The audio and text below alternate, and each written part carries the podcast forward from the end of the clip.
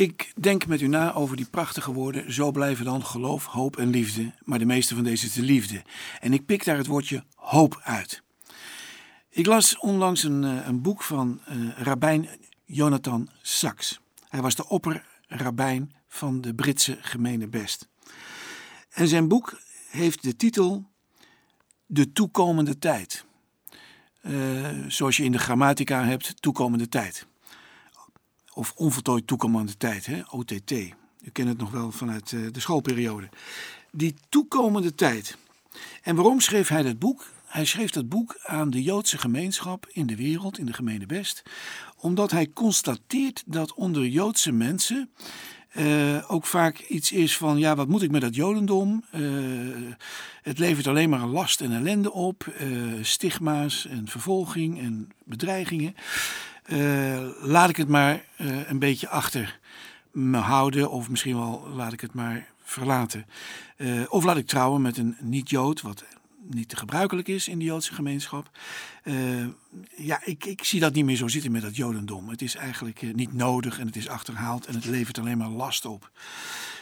en dan een andere groep binnen de Joodse gemeenschap die zich terugtrekt in een soort uh, zelfgemaakt ghetto, zou je kunnen zeggen. Uh, waarin je verstolt en verstijft eigenlijk en verkrampt vasthoudt en eigenlijk geen contact meer hebt met uh, de tijd en met het leven. maar eigenlijk alleen in een soort, ja, in een soort uh, wachtkamer zit met gelijkgestemden en eigenlijk uh, ja, geen hoop meer hebt voor de wereld. En dan schrijft Jonathan Sachs zijn boek over de toekomende tijd. En dit, dit geldt niet alleen voor Joden, maar ik denk dat het zeer zeker ook geldt voor christenen. En hij gaat ervan uit dat het geloof in de God van Israël is een geloof in de toekomst, in hoop. Het is ondenkbaar om dat los te maken. Het kan niet zo zijn dat je daar in wanhoop mee omgaat en je terugtrekt en je afsluit of het verlaat. Maar het is een bron van inspiratie, een bron van ambitie en een bron van, van, van verandering in de wereld, juist in de samenleving. Dus hij probeert in dat boek telkens aan te geven dat God zelf de God is van de toekomst die hoop geeft en niet angst die liefde geeft en niet angst. En die mensen vrij maakt om zich te geven aan een tijd en aan een wereld waarin ze leven. En die reëel is. En dat zit hem in de godsnaam. En dat staat natuurlijk in Exodus hoofdstuk 3, vers 13 en 14. Ik lees dat voor. Mozes zei tegen God: Zie, wanneer ik bij de Israëlieten kom en tegen hen zeg: de God van uw vaderen heeft mij naar u toegezonden en zij mij zeggen: Wat is zijn naam? Wat moet ik dan tegen hen zeggen? En God zei tegen Mozes: Ik ben die ik ben. Ook zei hij: Dit moet u tegen de Israëlieten zeggen: Ik ben, heeft mij naar u toegezonden. En dan geeft Rabijn Saks aan dat dat ik ben ook leest in het Hebreeuws als ik zal zijn, die ik zijn zal. In dat ik ben in het Hebreeuws is verweven de toekomende tijd. Ik zal zijn die ik zijn zal, of ik ben die ik zijn zal. Er zit een toekomende tijd in de naam van God zelf. Iedereen die die God beleidt, iedereen die deze God wil volgen, iedereen in wie deze God woont door zijn geest, is per definitie niet nostalgisch. Die zit niet in een bubbel van het verleden. Die houdt niet vast aan wat er zo mooi was in het verleden, of misschien helemaal niet bestond, maar geromantiseerd is, omdat het vroeger beter zou geweest zijn. Dat gaat tegen de naam van God in. God pelt ons los uit onze nostalgie, uit het conservatisme conservatisme. Ik zeg niet dat conserveren niet goed is, maar het isme, het conservatisme, het, het vasthouden omdat het anders allemaal zo onzeker wordt. Dat gaat ten diepste in tegen de geest van God. We leven in een hele verwarrende tijd. En die verwarrende tijd is al bijna een eeuw aan de gang, zou je kunnen zeggen.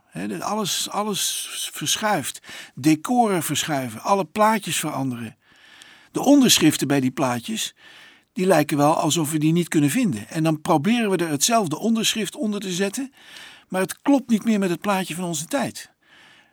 Bijvoorbeeld het huwelijk, of wat trouw is, of wat goed is, of wat rechtvaardig is. En dan verschuiven de plaatjes en dan zoeken we naar nieuwe woorden of we houden vast aan oude woorden die niet meer stroken met de plaatjes. U kent dat spanningsveld. God is een God die woorden geeft aan een nieuwe tijd.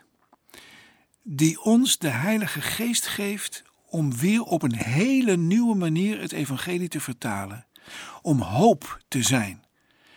En niet een plaatje uit het verleden.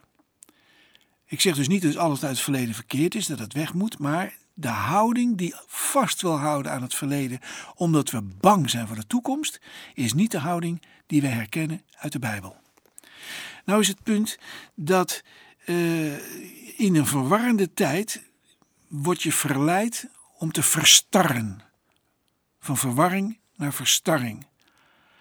En wat rabbijn Jonathan Sachs wil zeggen, en wat ik hier wil herhalen, dat is eigenlijk dat we niet moeten gaan van de verwarring naar de verstarring, maar van de verstarring wegblijven en van de verwarring gaan naar de verrassing. De verrassing die God met zijn geest wil geven, opdat wij vruchtbaar zijn, verstaanbaar zijn in een hele andere tijd, waar mensen hele andere dingen denken en waar mensen vaak helemaal niet meer weten waar het over gaat, als het gaat over het evangelie en als het gaat over een levende God die bij mensen wil wonen. Die verrassing is de grote uitdaging. En Jonathan Sachs wil zeggen dat is hoop. Dat is nou het werk van de hoop. En dat is de naam van God. Ik zal zijn die ik zijn zal. Hij zet je in beweging naar deze tijd en naar de toekomst. Verder doordenkend over het woord hoop en dat God in zijn naam ik zal zet. Ik zal zijn die ik zijn zal. Of ik ben die ik zijn zal. Voortdenkend daaraan was ik op zoek naar het woordje zal. De toekomende tijd. En een van de eerste keren dat je dat woordje tegenkomt in de Bijbel is op een dieptepunt in de relatie tussen God en mens. Misschien zouden wij dat kunnen proeven als wij ontdekken dat jouw prachtige kindje, wat jij zo ongelooflijk eh, lief en aardig en mooi vindt en waar je alles in geïnvesteerd hebt, dat hij jou op een gegeven moment uh, bedriegt, een koekje steelt, even liegt. Dan denk je, wat is dat nou toch zeg? Dat is een klap in je gezicht. Dat kleine kindje kan zich ontpoppen als een heel klein leugenaartje, maar dat hele kleine leugentje, dat eigenlijk helemaal niet belangrijk is, maar het kan als een klap in je gezicht overkomen. En op dat moment stort er iets in, want ik vind dat is toch raar dat in dat kindje eigenlijk iets zit wat ik er niet heb in willen leggen. En toch komt het eruit. Nou, zoiets, maar heel anders en veel groter en veel principiëler, gebeurde natuurlijk in het allereerste begin toen alles tof was alles goed was. En dat God zei: Het is goed. En op de derde dag zelfs een aantal malen dat zei: Tof, tof. Het is prachtig. Het is goed. Dan komt dat moment dat die gave wereld waarin God wandelt met de mens. En wat er een, een, een, harmonie is tussen God en mens, die, ja, die zich uitdrukt in alle mooiste kleuren en schilderijen die je kunt voorstellen. Die, die situatie waarin je ja, alleen maar van vrede kan spreken, van shalom. In die situatie komt de breuk. En die breuk die komt niet uit de mens direct, maar die komt van buiten de mens naar de mens toe. Het is de vijand van God die bleek te bestaan, waarvan wij niet wisten, en die zich voordeed, je zou kunnen zeggen, als een verleider, een engel des lichts uh, in, de, in de vorm van een slang, die uiteindelijk de vraag stelt: wil je als God zijn? Wil je die positie van God innemen? En de mens wil dat wel. De mens overschrijdt dan die ene grens. Hij doet de ring van zijn vinger af, De trouwring doet hij van zijn vinger af en hij zegt: Ik wil vrij zijn. Ik wil stoppen hiermee. Dat weet hij niet zo direct, maar het is eigenlijk het afdoen van een trouwring. Hij neemt een vrucht die niet slecht was, maar goed was. Die prachtig was, want alles was tof. Maar er was maar één vraag: dat is: wil je nou één boom overlaten als teken dat je mij op de eerste plaats zet? En die boom, die gaat eraan. Die vrucht wordt gegeten en de eerste plaats wordt opgeëist door de mens. Op dat moment is het een klap in het gezicht van God. Zo'n teleurstelling, zo'n breuk. Dat is het dieptepunt en daar begint de hoop. Het gekke is dat hoop dus alleen maar begrepen kan worden vanuit deze klap, vanuit deze val, vanuit deze teleurstelling. En dat God op dat moment en rechtvaardig is en barmhartig. Hij straft en hij geneest. Hij geeft hoop. Hij zegt dan, als hij de vrouw en de man heeft gevraagd wat er is gebeurd, en uiteindelijk wordt de slang daarvoor verantwoordelijk ook gehouden. Iedereen draagt zijn verantwoordelijkheid trouwens ten volle.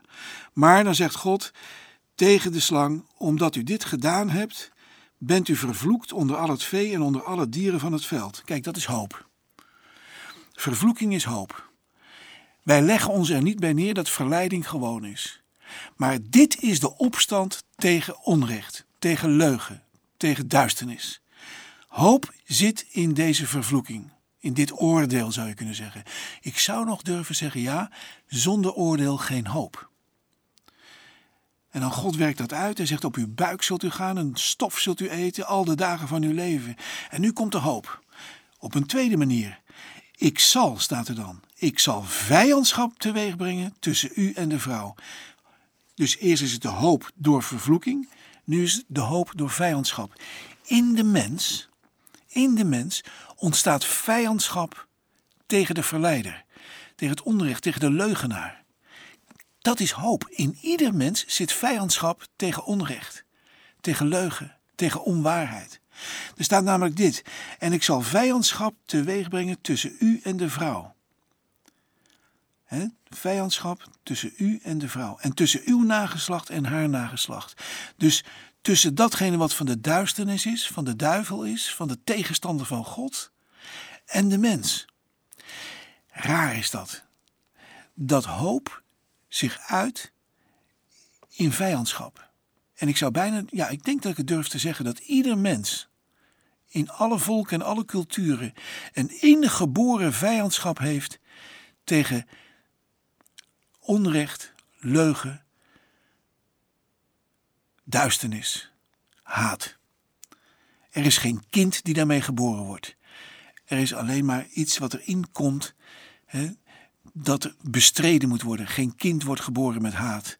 Geen kind wordt geboren als racist. Het wordt erin gebracht en terwijl het erin gebracht wordt, ontstaat er ook een vijandschap tegen. Ieder mens weet ten diepste dat het niet kan om te discrimineren, om racist te zijn, of om een ander weg te zetten, of om te stelen en dingen kapot te maken. En dan staat er: uit jouw vrouw, uit jullie mens, zal ook de kracht komen die deze leugen zal verslaan, die de duivel zal verslaan. Dat is Jezus, geboren uit een mens, zoon des mensen, die de slang zal vermorselen. De mens, de nieuwe mens, die in jou woont, in u woont, in mij woont, die de slang zal vermorselen. En Paulus schrijft het ook in Romeinen, dan zegt hij: God zal weldra onder uw voeten, onder de menselijke voeten, Satan vermorzelen. Dus onder onze voeten, dat gaat niet zonder pijn. Het zal ons de hiel vermorzelen, het zal ons pijn doen, het zal wonden doen. Het heeft Jezus het leven gekost, precies. Dat is het hiel vermorzelen. Waaruit hij is opgestaan uit de dood en heeft overwonnen. En daardoor de Satan die eerste enorme slag heeft weggezet en uiteindelijk overwonnen heeft. Dus hoop begint in Genesis 3 tegen de achtergrond van die teleurstelling. Hoop begint bij het oordeel dat God uitspreekt over Satan. Hoop begint bij de vijandschap die bij mij is tegen het onrecht, tegen de Satan. En die door Jezus uiteindelijk bestreden is en overwonnen is aan het kruis van Golgotha. Die daar de kop vermorzeld heeft van de slang. En die daar de overwinning heeft behaald. Waarin wij op dit moment nog wachten op de uiteindelijke overwinning. Straks als alles voorbij zal zijn. En wij bij het paradijs weer opnieuw zullen wandelen met God in de harmonie die Adam en Eva ook gekend hebben in die eerste dagen.